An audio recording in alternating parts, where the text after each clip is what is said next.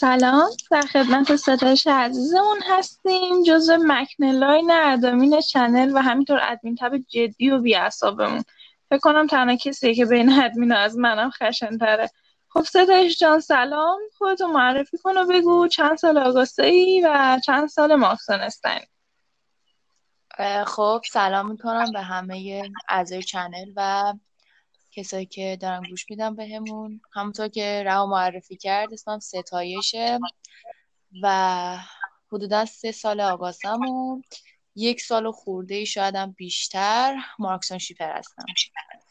خیلی عمالی. اگر یه قدرت ماورایی داشتی اون قدرت قدرت چی بود و با اون در مورد مارکسون چیکار می‌کردی؟ خب من دوست داشتم که قدرت خوندن ذهن رو داشته باشم. بعد بتونم ذهنشون رو بخونم حرکت بعدیشون چیه چه secret ی می‌خواد در کار باشه. آره این قدرت رو خیلی دوست داشتم. و سوال بعدی خب اولین باری که مارکسون رو دیدی و یادته واکنشت بهشون چطور بود؟ خب من اولین بار توی تب بین channel دیده بودم بنر مارکسونو. اگر راستش رو بخوام بگم اول اصلا کلا خوشم نمیومد. یعنی از چنین کاپلی خوشم نمیومد. ولی خب بعد اینکه تو گپ مارکسون جوین شدم و ادمیر رها رفتم پای منبر. بعدش با حرف زدن های ایشون و یه سری اطلاعات تونستم بیشتر بشناسم و پایه دوست داشتن مارکسون رو بچینم. این مرشد بودن من و من برام همیشه جواب میده. خب اگه بخوای مارکسون رو با یه رنگ توصیف کنی اون چه رنگیه و چرا؟ از نظر من مارکسون رنگ آبیه. به خاطر اینکه وقتی اولین بار آبی رو می‌بینی یه حس سرد بودن بهت میده یعنی اینکه نفوذ ناپذیره ولی وقتی بیشتر بهش توجه می‌کنی یه چیزیه که میشه دوستش داشت. ازش خسته نمیشی. کاملا درسته. وقتی که دلتنگ مارکسونی چه مومنتی باعث میشه حالت بهتر شه؟ چه بهت میده؟ خب راستش رو بخوای من وقتی دلتنگم ترجیح میدم آهنگای مارکسون رو گوش بدم و با معنیاشون. دیگه وقتی مومنتم می‌خوام ببینم بیشتر مومنت های افتر اسکول رو می‌بینم چون به نظرم خیلی قشنگ و کیوت و ملوان بعد باعث میشه خیلی نرم شم و دلتنگی برطرف شه تقریبا. یه زن مقایر با شخصیت خودته خب اگه می‌تونستی از مارکسون یه سوال بپرسی اون چی بود و انتظار داشتی چه جوابی دریافت کنی؟ خب من دوست داشتم بپرسم که از مارکسون به خصوص جک که چرا انقدر مثلا سر استیج سوتی میدن در مورد چیزای سکرتشون و دوست دارم جواب دریافت کنم که mine is mine. بهترین جواب آره.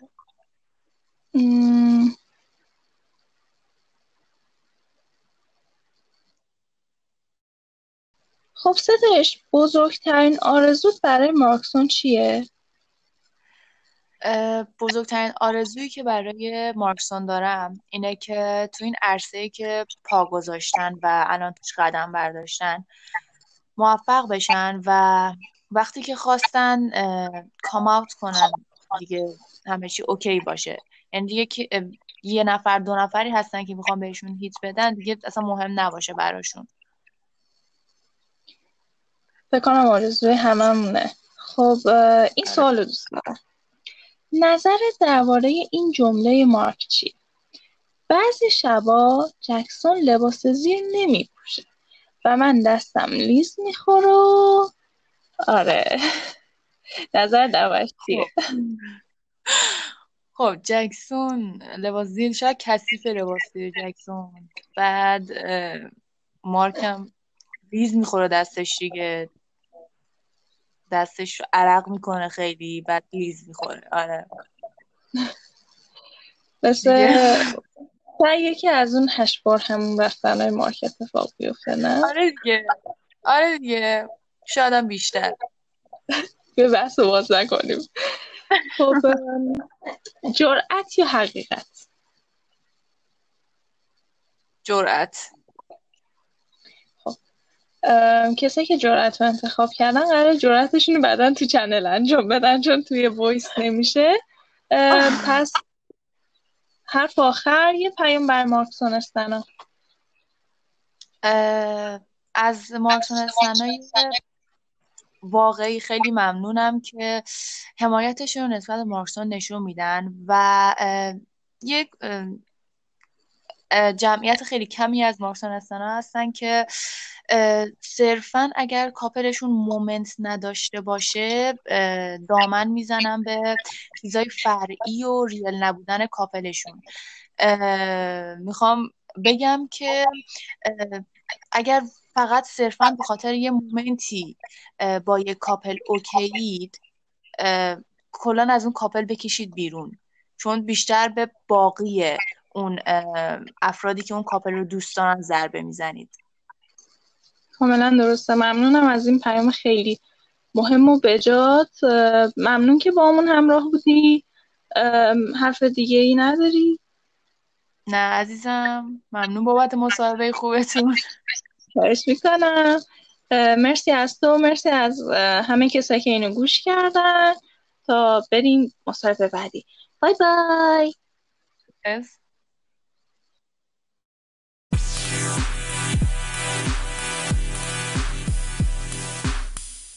به همگی دو تا مصاحبه آخر به درخواست مهمونامون انجام. مصاحبه از دیجی های این برنامه است. چه حسی داری آواشی؟ من خیلی خوشحالم خوشحالی؟ خب می‌تونی خوشحالی تو با یه حرکت کیوت نشون بدی؟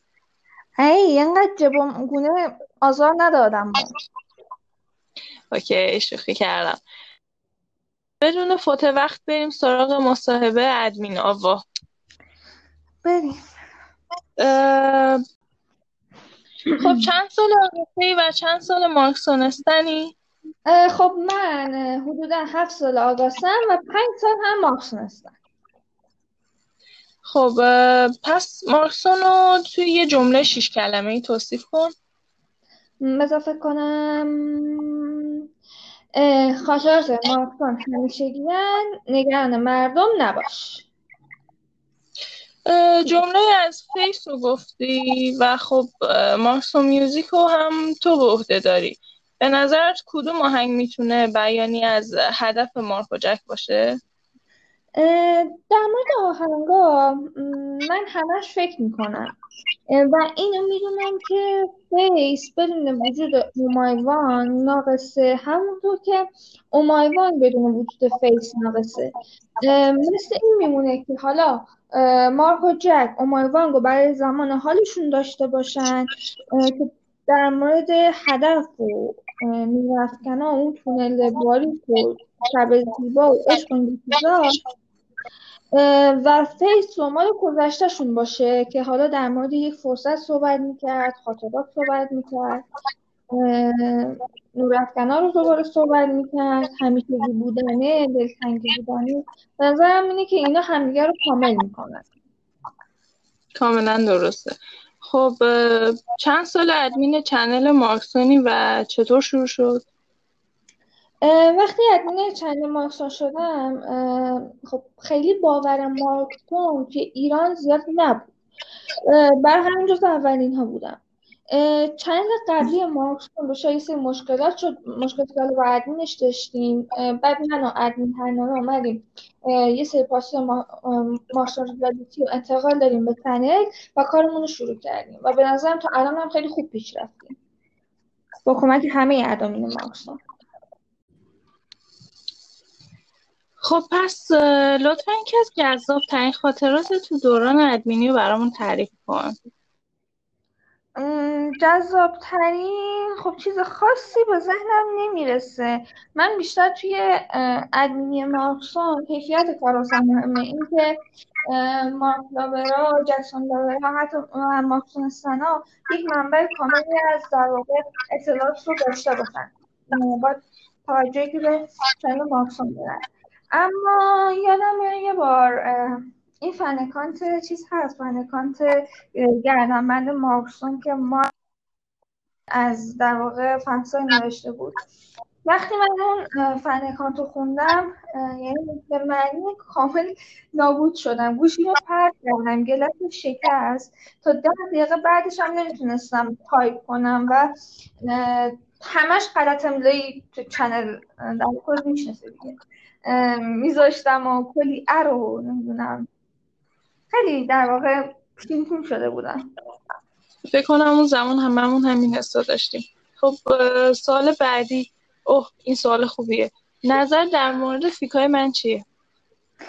به نظر من فیکای تو توی هر ژانری که باشن تو سطح ریل ریلن. و به نظر این بی‌نظیره. دیالوگ هایی که میاری گاهی خیلی سنگینن و گاهی خیلی بامزه و دوست داشتنی. اصلا می‌دونی نه کسی که فیگ تو رو می‌خونه توفیقین رو با هم دیگه مزه می‌کنه. همیشه همینطوریه سویت هم سارا خب کدوم مومنت مارکسون بیشتر از همه دوست داری و چرا؟ راستش یکی نیست. من یک اعتقادی دارم و به این بندم. اونم اینه که رفتار جکسون در واقع بیان بلندی رابطه مارکسون چون جکسون خیلی برون داره و هر کی سعی کنه پنهانش کنه بالاخره نشون میده. برای همین یه سری مومنت ها هستن. جکسون حتی وقتی مارک رقیبش عقب می‌کشه یا مثلا جکسون گروه کنترل می‌کنه که مارک صحبت کنه یا مثلا جکسون حتی راضی نمیشه آب بریزه به صورت مارک خب؟ و باش اینجور چوخیایی کنه. و باخت خود باخت مارک از باخت خودش دردناکتره. اینجور مومنت ها. یا خیلی چیزای دیگه. می‌دونی رها هممون می‌دونیم جکسون پسر فانیه و رو برای همه اعضا داره جز خط قرمزش که مارکتانه من این لحظه رو دوست دارم و به نظرم بهترین مومنت های مارکسون اون لحظه. خب این سوال می‌دونم جوابش خیلی طولانیه ولی تو نفر آخر مصاحبه فکر می‌کنم بتونی بهتر توضیحش بدی. چرا مارکسونستن شدی جدای همه اون حرفایی که در مورد نگاه ها، احترام ها، رفتارها و بقیه چیزهایی که مارکسون در قبال هم انجامش میدن من معتقدم یه نیرو نامرئی وجود داره. مثل یک سیاهچاله یهو ظاهر میشه میبله تو متوجهش نمیشی. من شاید بتونم با حرف بگم آره من با غم تو چشای جک تو ایف یو دو مارکسون شدم. آره من با شکست جک تو برنامه قبل از جشنواره پایان KBS در واقع مارکسون شدم. همین که از دوستی نبود. اما اون موقع نمی‌دونستم. اینقدر درشون غرق میشم و الانم نمی‌دونم علت این همه غرق شدگیم چیه. می‌دونی رها سالها گذشته از اون موقع باور من پرورش پیدا کرده. اونم بدون اینکه بدونم چطوری. و حتی الان یک قدم از من جلوتر و منو سورپرایز می‌کنه. همش مثل من تعجب کنم از کاراشون. در واقع عشق مارکسون فراتر از حد تصور من پیش رفته که من بخوام بگم که چجوری مارکسونستن شدن خب فکر کنم از باورهای هممون جلوتر میره. یعنی یه جورایی همه میگیم خب این دیگه اوجشه ولی همیشه یه اتفاقی میفته که واقعا هیچ کس فکرشو نمی‌کنه. این معجزه مارکسونه خب آبا جان عزیز من جرأت یا حقیقت؟ من اصولا میگم حقیقت ولی این بار بیا بگیم جرأت.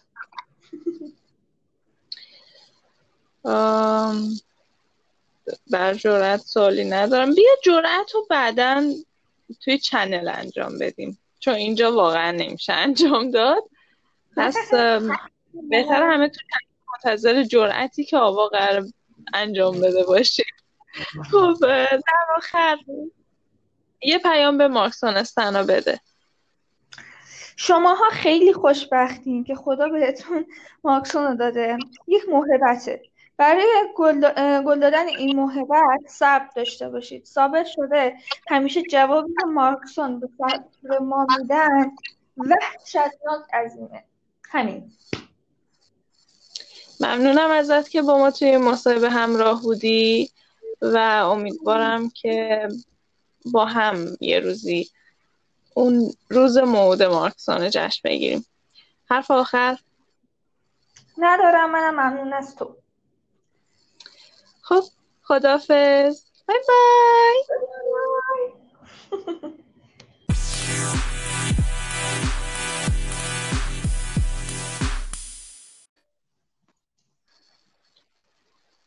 نوبتی هم که باشه نوبت گله نمک و احساس که خودش رو در زیر یخهای یک دریاچه یخ زده پنهان کرده. رها مارکسونستنی و خیلی وقت آموخته و الان دیگه تدریس می‌کنه. خیلی خوش اومدی بودی. خواهر گلم و خودتو برای شنونده های کنجکاومون لطفا معرفی کن. سلام آبا جان و سلام به همه آدمایی که دارن. همه آدما که نه همه مارکسونستن های اسپشیالی که دارن این مصاحبه گوش میدن. رها هستم. چهار سال و خورده ایه که مارکسونست آگاسم و چهار سال و خورده این خوردهش یه مثلا دو ماه کمتره. شاید شاید هم کمتر که مارکسونستنم بیشتری بیشترین چیزی که در مورد مارکسون تو رو تحت تاثیر قرار که چنین قلب مارکسونی درخشانی داشته باشی چی بوده؟ خب یکم جواب سخته ولی فکر کنم اولش از حمایت جکسون از مارک شروع شد. می‌دونی که من تونیم و اون اول زیاد از جکسون خوشم نمیومد یعنی فکر کنم اینو همه می‌دونن. ولی خب چیزی که باعث شد من به مارکسون جذب بشم در عین حالی که اصلا از جکسون خوشم نمیومد و اصلا هم علاقه نداشتم که مارکو با کسی شیپ کنم این بود که جکسون همیشه کسی بود که از مارک حمایت می‌کرد. مارک اون اوایل بیشتر. حالا الان یکم اون حالت آیدلی خودش رو بیشتر پیدا کرده ولی اون زمان خیلی ساکت تر بود خیلی کم حرف بود به قول جکسون دیوار بود. و خب همیشه جکسون کسی بود که مارکو تشویق می‌کرد که توی بحثا شرکت کنه حرف بزنه یه کاری انجام بده. از تواناییاش برای نشون دادن خودش توی برنامه ها استفاده کنه. قطعا همیشه این جکسون بود که این کارا رو می‌کرد. و دومیش که فکر کنم که از پررنگ ترین دلایل من برای جذب شدن به مارکسون بود شادی مارک کنار جک بود. من اینو همیشه میگم شادی که مارک کنار جکسون داره کنار هیچ کس نداره. اینو به جرأت می‌تونم با مدرک ثابت کنم که واقعا حتی اگر شروع رابطه یعنی حال حاضر رو در نظر نگیریم و فقط شروع رابطهشون رو ببینیم همیشه مارک کنار جکسون شادترین بوده و این فوق العاده است معجزه‌شونه. به نظرت اگر مارکسونستن نمی شدی زندگی چه رنگ و بوی دیگه ای داشت؟ خب میشه گفتش که اینقدر زیاد هیچ وقت عظمت عشق رو نمیفهمیدم. واقعا اینقدر عشق می‌تونه بزرگ باشه اینقدر قشنگ باشه در حدی که باعث بشه آدمای دیگه با دیدنش اشک بریزن. واقعا هیچ وقت اینو نمیفهمیدم. تو بیشتر از همه ما تو فندومای دیگه حضور داری. فکر می‌کنم شنوندهامون کنجکاو باشن. نظر سایر فندوما رو در مورد مارکسون بدونن. به طور جد می‌تونم بهتون بگم همه عاشقشونن یعنی من دوستای اکسوئل دارم دوستای آرمی دوستای الف و از همه فندومان کپاپ و هر کدومشون که مارکسون می‌شناسن دقیقا اینجوری که وای خدایا اینا چرا انقدر ریلن چرا انقدر عشقشون قشنگه چرا انقدر خوبن چرا انقدر به هم میان چرا انقدر فوق و واقعا هیچ کس نبوده که با یک دیدگاه درست به موضوع نگاه کنه و عاشقشون نشه. درسته درسته. اخیرا اولین فعالیت مشترک مارکسون رو شاهد بودیم که طبق معمول کار بودیم و به خاطر کرونا اینطوری برگزار شد. درست تلخ بود اما این اولین قدم مارکسون به سمت هدفشونه. در نگاه تو هدف مارکسون دقیقا چی می‌تونه باشه؟ چه, هد... چه آینده براشون متصوری؟ به نظر من ساختن آینده ایه که توش بتونم بدون ترس از حرف بقیه مردم کنارم بیستن. اینکه تو بتونی اونقدر قدرتمند بشی که از باورات حمایت کنی. حالا ما این چند وقته سر این جنبش ها که درباره ضد نجات پرستی و اینجور چیزاست ما دیدیم که جکسون یه حمایتی که یه پست حمایتی گذاشت مارک پست حمایتی گذاشت و کلی هیت دریافت کردن. و قطعا به نظر من هدفشون اینه که به یه جایگاهی برسن که هیچ هیت هیچ آنتی هیچ هیچی نتونه بهشون آسیب بزنه و اونقدر قوی باشن از جایگاهشون دفاع کنن. درسته. اخیرا نه اینکه هیچ. اگر زمانها رو می‌تونستی به عقب برگردونی به کدوم ارا برمیگشتی؟ چه چیزی رو در مورد مارکسون عوض می‌کردی؟ خب راستش این چیز درستی نیست. اول اینکه چون که همه این فراز و نشیبا بوده که عشقشون رو اینقدر خوشگل کرده. ولی خب اگر بتونم تغییر بدم دو تا زمانه. یکی زمان ایفیودو اون لایوی که خودت خب. می‌دونی می‌دونن. اونجا می‌رفتم می‌ذارم تو در مارک. واقعا جک میسوزه اونجا ولی خب کلا اون time می‌ذاره می‌رفتم به مارک گفتم 괜찮아 괜찮아. پسرم اینقدر مقاومت نکن. ولی خب همین بود که بعد باعث اون فوران عشق توی دوران Fly شد. و دوره بعدیش time debut چینی جک. من یعنی هممون شاهد بودیم که مارک چقدر اون تایم آسیب پذیر بود.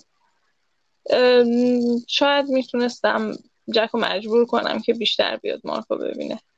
ولی خب دلم نمی‌خواد عوضشون بالاخره سرنوشتشونه. دقیقا. می‌خوام کمی در مورد سکرتاشون صحبت کنیم. به نظرت با ارزشترین سکرت مارکسون چه چیزی بوده؟ سلام. به نظر من نوشته توی کرومهارت. و خب الانم که ساعت مارک که هنوزم سکرتن. اینا اینا چیزایی که هنوزم سکرتن و ما تا آخر عمرمون بکنم در حسرت اون نوشته میمیریم و ساعت هم نمی‌دونم. می‌دونی انتظار داشتم چی بگی؟ اون دستبندی که جک میندازه. ببین اون واقعا رو مخمه. اصلا درک نمی کنم چرا نمیرن بپرسن از جک که عزیزم اینو از کجا آوردی؟ اوپا. پرسیدن؟ بروز نمیدن و این سکرتاش دیگه. این فنای در واقع قدیمی جک اینه که مارکس هستن خیلی راحت از جکسون می‌پرسن جوابشون هم می‌گیرن ولی به کسی نمیگن. آره بعد میان دیس می‌کنن میگن نه. نه مارکسون وجود نداره. نه. و در حالی که بالشو با دندون گاز می‌گیره. خدایا نباید اینجوری می‌شد. آره دقیقا. خب بازی هم کنیم. جرأت یا حقیقت رها؟ من قطعا حقیقت. حقیقت. وای انتظار نداشتم. من هیچ وقت جرأت انتخاب نمی کنم. آه حقیقت چی بهت بگم؟ خودت یه حقیقت بگو جواب بده. خیلی سخت شد الان. حقیقت. نمی‌دونم. همه حقیقت ها رو گفتم. هیچ حقیقت دیگه در این راستا ندارم. یادم یه نوشته بودی که در مورد این بود که یه شخصی احمق بود ولی این که مثلا تو بهش میگی احمق تقصیر تو نیست تقصیر اونه. این که احمق بودنش تقصیر من نیست. آره دقیقا. اون در مورد کی بود؟ درباره یکی از دوستان ببین من فکر نمی کنم اینو بشنم. پس میگم درباره مهندسه بود. چون یه بحثی تازگی داشتیم. چون یه بحثی تازگی داشتیم و. واقعا باعث تعصبم به هم بریزه. اینو نمیشنوه. اینو نداریم دستش برسه خب باش. ببین حقیقت سختی بود. خیلی. یه پیامم به مارک یک پیامم به مارکسون بده لطفا. عشق مارکسونو. اول با عقلتون بسنجین و بعد با قلبتون باورش کنین. مطمئن باشین که کل زندگیتون رو پر می‌کنه. خب. چقدر طولانی شد مصاحبهمون آره. حرف آخر؟ حرف آخر این که مارکسون دوست داشته باشین. اون چیزی که هست رو دوست داشته باشین. سعی نکنین که تو ذهنتون تغییرش بدین با ایدئالاتون مارکسون چیزیه که خودش وجود داره. این بیشتر درباره اینکه کتاب میگم دیگه خودتون بدونی منظورم چیه. و همین دیگه. ممنون از تو. ممنون از همه آدمایی هم... همه مارکسونستن هایی که این مصاحبه رو گوش کرد.